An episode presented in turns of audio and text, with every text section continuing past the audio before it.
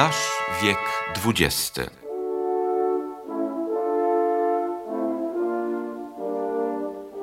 Postacie Celui qui fit triompher la France républicaine et l'Allemagne de Guillaume II. cienie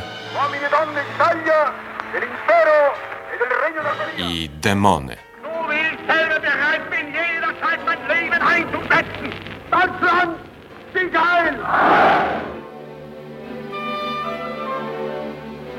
16 maja zwołane zostało na godzinę 17 nadzwyczajne posiedzenie Najwyższej Rady Sprzymierzonych w gmachu na Quai d'Orsay z udziałem przybyłego z Londynu premiera brytyjskiego Winstona Churchilla, premiera Paula Reynolda, ministra obrony Daladiera oraz naczelnego wodza armii francuskiej generała Gamelin.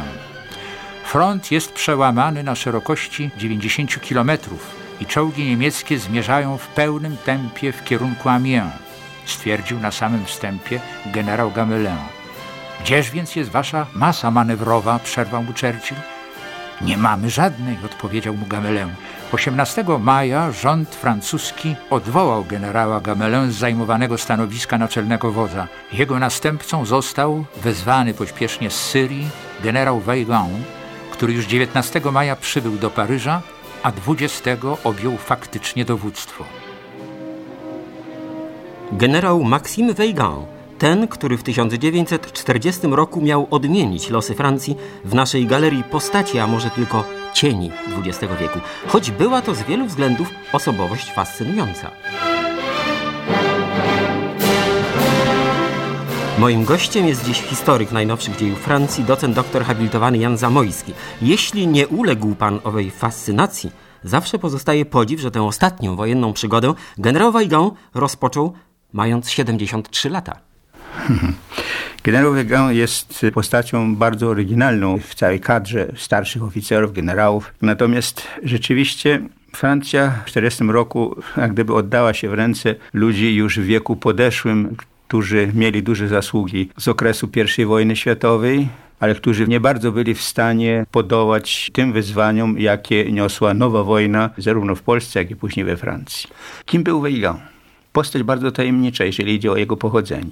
Wszystkim było wiadomo, i w tej chwili się mówi o tym zupełnie już jawnie, że był on nieślubnym synem księżniczki Charloty z belgijskiego domu królewskiego, urodzonym w 867 roku, w tym czasie, kiedy mąż Charloty, Maksymilian Habsburg, meksykański cesarz, został rozstrzelany.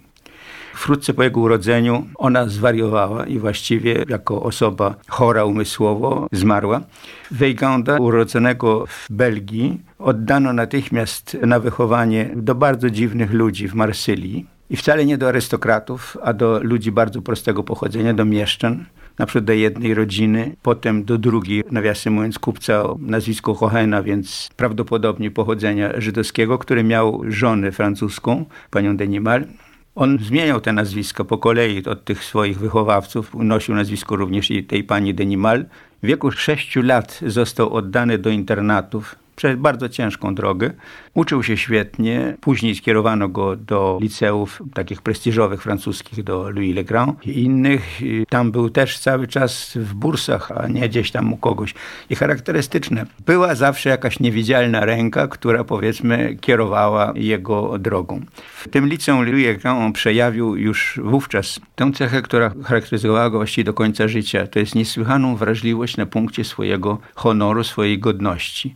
I między innymi to, plus powiedzmy sobie takie młodzieńcze, rozmaite awantury, w których uczestniczył, spowodowały, że go usunięto z tego liceum. Później dopiero pozwolono mu wrócić do Paryża i dopiero tam uzyskał maturę ostateczną i stamtąd poszedł już do szkoły wojskowej, bo z góry wiedział, że chce być oficerem. Wybrał Saint-Cyr, a więc szkołę ogólnowojskową, ale prestiżową, cały czas jako obywatel belgijski jeszcze, na specjalnych prawach. Po ukończeniu szkoły Saint-Cyr jako 20 w kolejności, chociaż początkowo był jednym z pierwszych, uzyskał aplikację w szkole kawalerii w Saumur i był niezwykle dumny z tego, że jest oficerem kawalerii i był świetnym kawalerzystą, był świetnym jeźdźcem, świetnym instruktorem.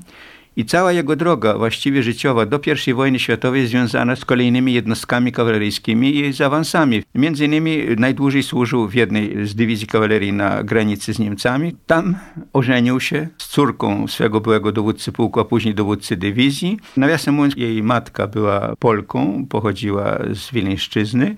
Dopiero po zakończeniu szkoły w Somir on uzyskał obywatelstwo francuskie i uzyskał nazwisko Weiganda, które mu nadał, usynowiwszy go jeden z pracowników tego jego opiekuna marsylskiego, Kohena. I początkowo nawet nazywał się Denimal Weigand, a później już przeszedł całkowicie na nazwisko Weigand.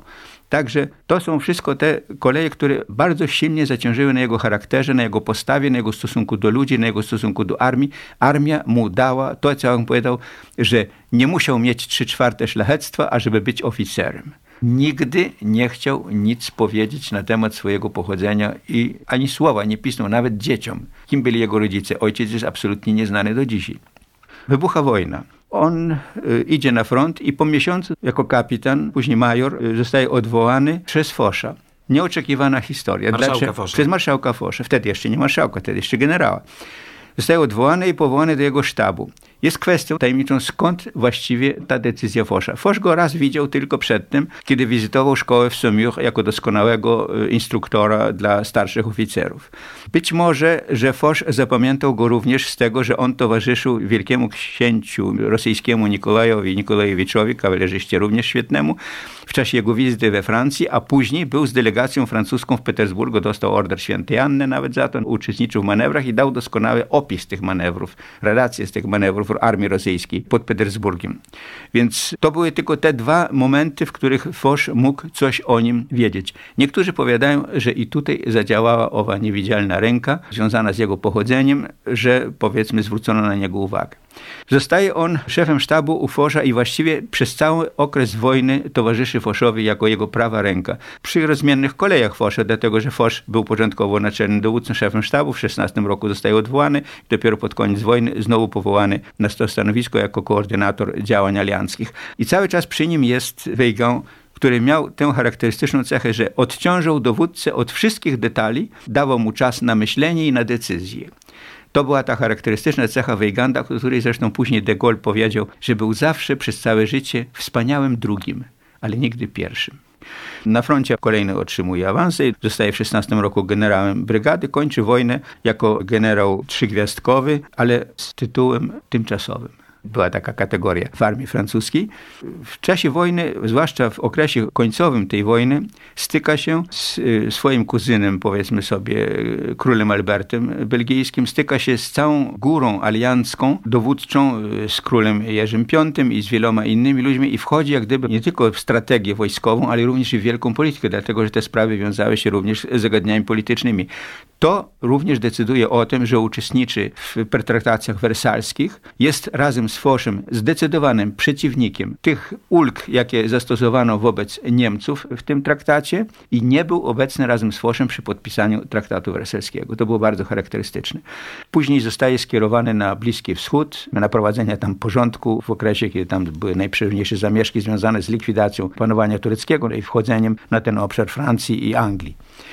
To były te najważniejsze okresy związane z I wojną światową.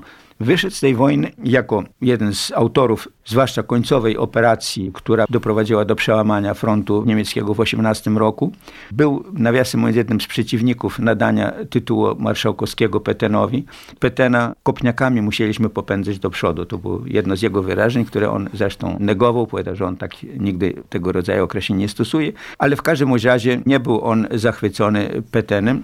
I na tym właściwie można powiedzieć ten epizod I wojny światowej, w którym on z liniowego, zwykłego oficera kawalerii na początku wojny wyrasta na jednego z głównych dowódców armii francuskiej i autorów powiedzmy jej zwycięstwa na końcu wojny. Do tego dochodzi krótki epizod Polski w 20 roku. No więc właśnie, był szefem francuskiej misji wojskowej w Polsce.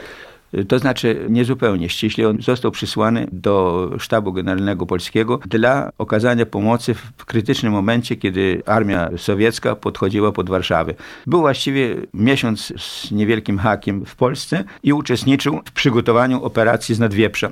tej operacji, która doprowadziła do rozbicia ofensywy radzieckiej i do sukcesu polskiego. Niektórzy uważają go za autora właśnie tego planu. On sam twierdził, że nie tyle był autorem koncepcji, ile był tym, który dopilnował, ażeby była ona wykonana według wszelkich zasad sztuki wojennej. Uważał się za tego, który prowadził dyscyplinę do działalności sztabów i dowództw w Armii Polskiej. Tak on siebie określał.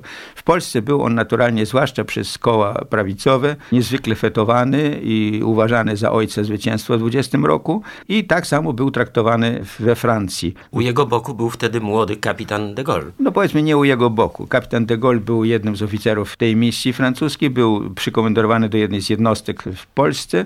Nawiasem mówiąc, bardzo charakterystyczne, jeżeli już mówimy o De Gaulle'u, że otrzymał on nie tylko odznaczenie polskie, ale otrzymał również odznaczenie z trzeciej armii rosyjskiej, walczącej wówczas u boku armii polskiej przeciwko swoim braciom sowieckim, Order Świętej Anny. Później generał Weygand był wysokim komisarzem w Syrii, potem wiceprzewodniczącym Najwyższej Rady Wojskowej Republiki.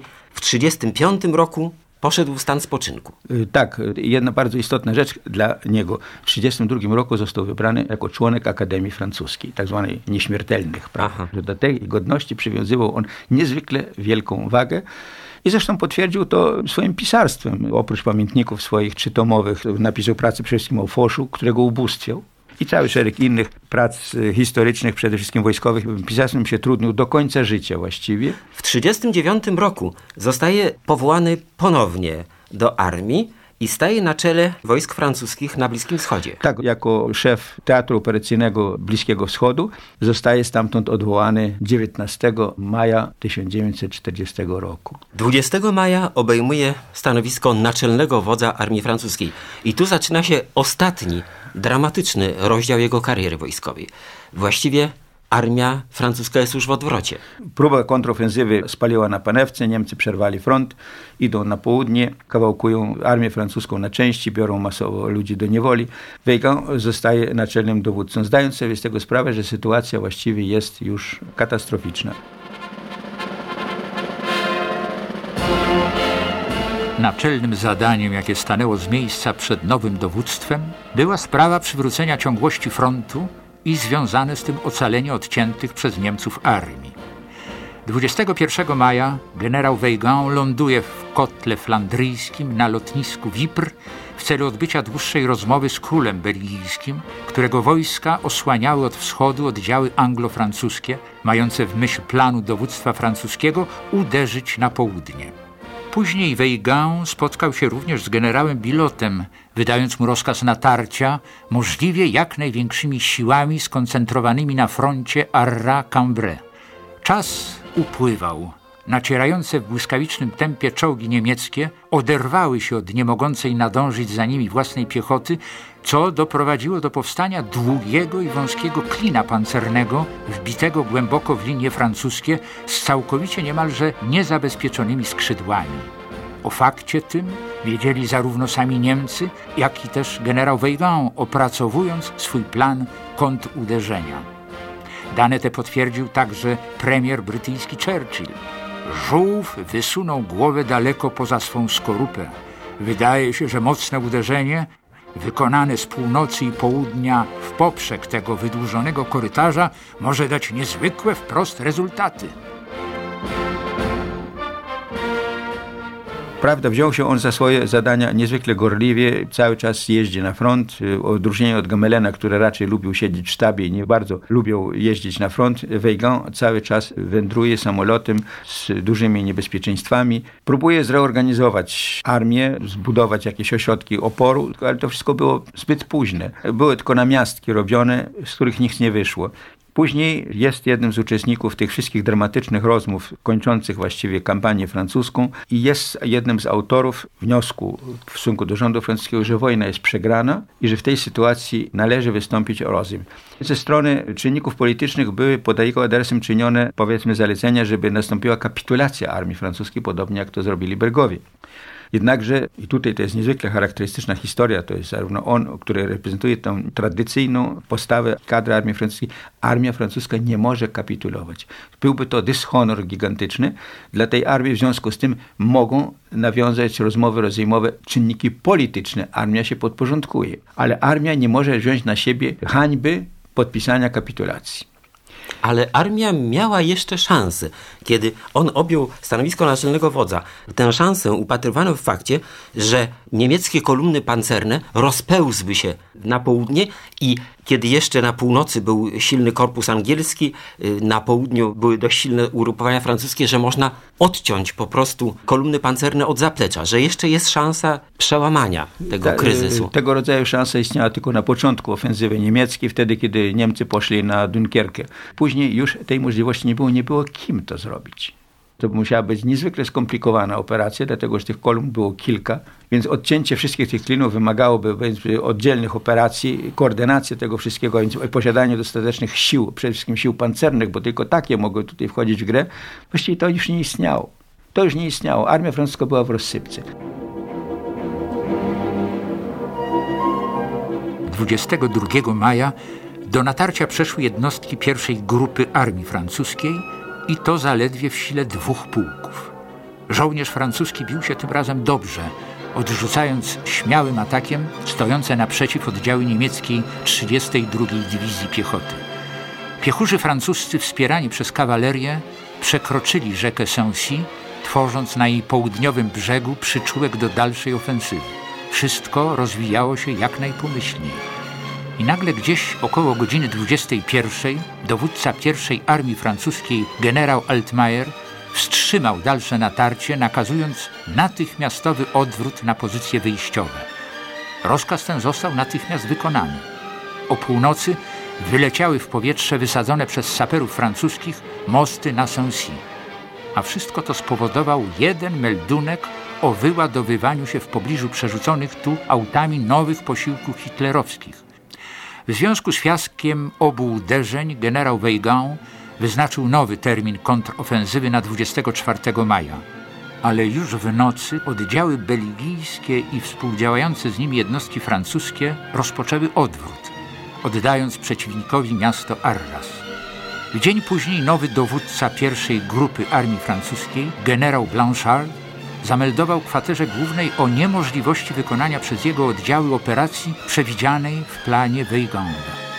Wojska alianckie frontu flandryjskiego, zagrożone od północy i wschodu atakiem jednostek armii niemieckich, a od zachodu i południa przez czołgi Rumla, Reinharda i Guderiana, rozpoczęły pośpieszny odwrót w kierunku Dunkierki, ostatniego portu, jaki pozostał im nad kanałem La Manche. Z jego nazwiskiem wiązano wciąż nadzieję na odrodzenie się Francji, także w Polsce, prawda? Dlaczego nie mógł, dlaczego Francja straciła ducha walki? O, ta kwestia, dlaczego Francja straciła ducha walki, to jest kwestia, która jest dyskutowana wielokrotnie i jeden z historyków Henri Michel powiada, że niezależnie od tego, co by zrobiło dowództwo, ludzie nie chcieli już walczyć. Trzeba sobie powiedzieć, że w okresie droll de guerre, a więc w okresie więcej niż pół roku bezczynności na froncie zachodnim i właściwie strachu, armia francuska uległa głębokiej demoralizacji. No jeszcze linia Maginota, która miała być Linia podobno... To był kompleks linii Maginota, to był dodatkowy kompleks. Zresztą nawiasem mówiąc Weygand bardzo popierał budowę linii Maginota i popierał również i kwestię przedłużenia jej i na północ, aż do morza, prawda? I wtedy być może ta linia Maginota spełniłaby jakąś rolę. To był niesłychanie silny kompleks, który powodował to, że Francja Francuzi wierzyli, że uda się wojnę jak gdyby wygrać przez przeczekanie. Może by to było tak określić. Naturalnie wojny nie można wygrać na zasadzie przeczekania i chowania się za linią taką czy inną umocnioną. 14 czerwca radio niemieckie nadało komunikat, który zmroził Francję i Europę. Ze ściśniętym sercem słuchano go również przez tak zwane szczekaczki w okupowanej Warszawie. Das Oberkommando der Wehrmacht gibt bekannt, der völlige Zusammenbruch der ganzen französischen Front. Naczelne dowództwo sił zbrojnych podaje do wiadomości całkowite załamanie się całego frontu francuskiego od linii Maginota po kanał La Manche zniweczyło poprzedni zamiar obrony stolicy Francji. Paryż został ogłoszony miastem otwartym. W tej chwili zwycięskie wojska niemieckie wkraczają do Paryża. Soeben findet der Einmarsch der siegreichen deutschen Truppen in Paris statt.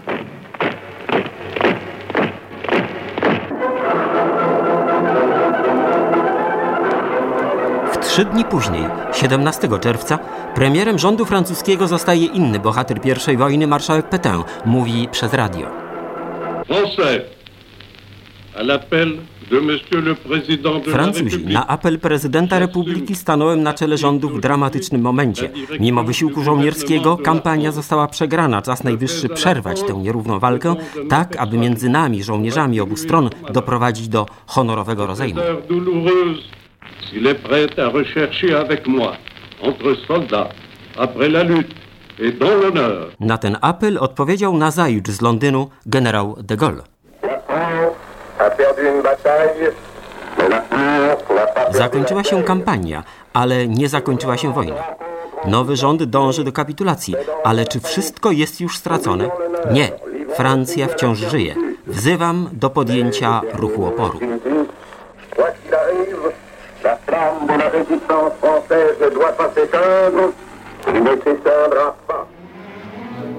qu'il Ale nic nie może odmienić biegu wydarzeń. 22 czerwca w Kąpień rozgrywa się ostatni akt tej wojny. Niemcy przeżyli chwilę triumfu, kiedy w tym samym wagonie, który ocalał z 18 roku, tym razem Francuzi podpisywali Tak akt kapitulacji, ale Weiganda tam nie było. Weiganda tam nie był. Tam był generał Rancière, kilku innych generałów, dwóch admirałów bodajże, uczestniczyło w tych rozmowach i były ambasador w Polsce Leon Noel, jako czynnik polityczny. Szara eminencja. Tak, tak jest i pierwszy delegat przy niemieckim dowództwie okupacyjnym we Francji. Podpisano akt rozejmowy, jest charakterze nie kapitulacji, a rozejmowy. Oto utrwalony na płycie fragment rozmów poprzedzających podpisanie aktu rozejmowego. Słuchamy wymiany zdań między reprezentującym Francję generałem Ansigerem a Keitlem. Michel, sans en référer au gouvernement. Et je demande par conséquent s'il me sera possible d'en référer au gouvernement français. Zechce pan, panie generale, zrozumieć, że w tak ważnych sprawach, od których zależy los Francji, nie możemy decydować bez uprzedniego porozumienia się z naszym rządem. Czy możliwe byłoby nawiązanie takiego kontaktu? Taka możliwość mogłaby ewentualnie zaistnieć, odpowiada Keitel.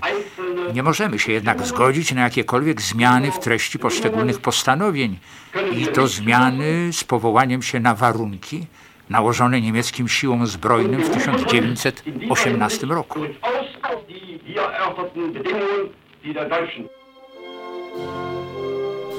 Tego samego dnia niektórzy Francuzi odbierający Londyn słuchają słynnego apelu generała de Gaulle'a.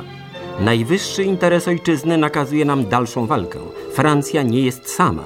Wzywam was do podjęcia apelu Komitetu Wolnej Francji. Płomień oporu nie powinien zgasnąć i nie zgaśnie. l'honneur, le bon sens, l'intérêt supérieur de la patrie commandent à tous les Français libres de continuer le combat. Moi, général de Gaulle, j'entreprends ici, en Angleterre, cette tâche nationale.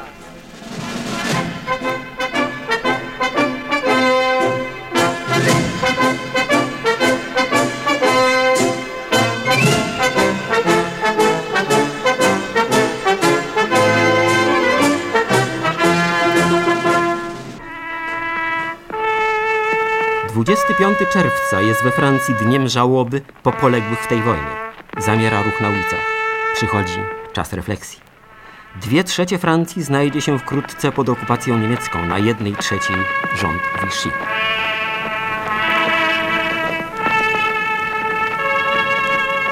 Weygand był wówczas przez jakiś czas ministrem obrony w rządzie Petena. Właśnie, którego nigdy nie cenił, jak pan powiedział. Tak, i okazał mu niezwykłą lojalność w okresie II wojny światowej, polityczną lojalność. Potem został skierowany znowuż jako wielkorządca w Afryce Północnej gdzie przetrwał do jesieni 1941 roku. I co jest niezwykle charakterystyczne, wszedł w kontakt z Robertem Murphy, konsulem amerykańskim na tamtym obszarze i delegatem Roosevelta, co mu zapewniło dostawy dla Afryki Północnej żywności, lekarstw, paliwa i rozmaitych innych środków, które pozwoliły na to, że Afryka Północna była w stosunku do Francji obszarem uprzywilejowanym. Udało mu się również utrzymać dosyć na dystans y, komisje kontrolne niemieckie na tamtym obszarze, otoczyć je ścisłą ochroną służb specjalnych francuskich, rozstrzeliwał agentów niemieckich na tamtym terenie bez pardonu, stał na stanowisku rozejm i tylko rozejm. To znaczy akceptuje rozejm, ale nic ponad rozejm.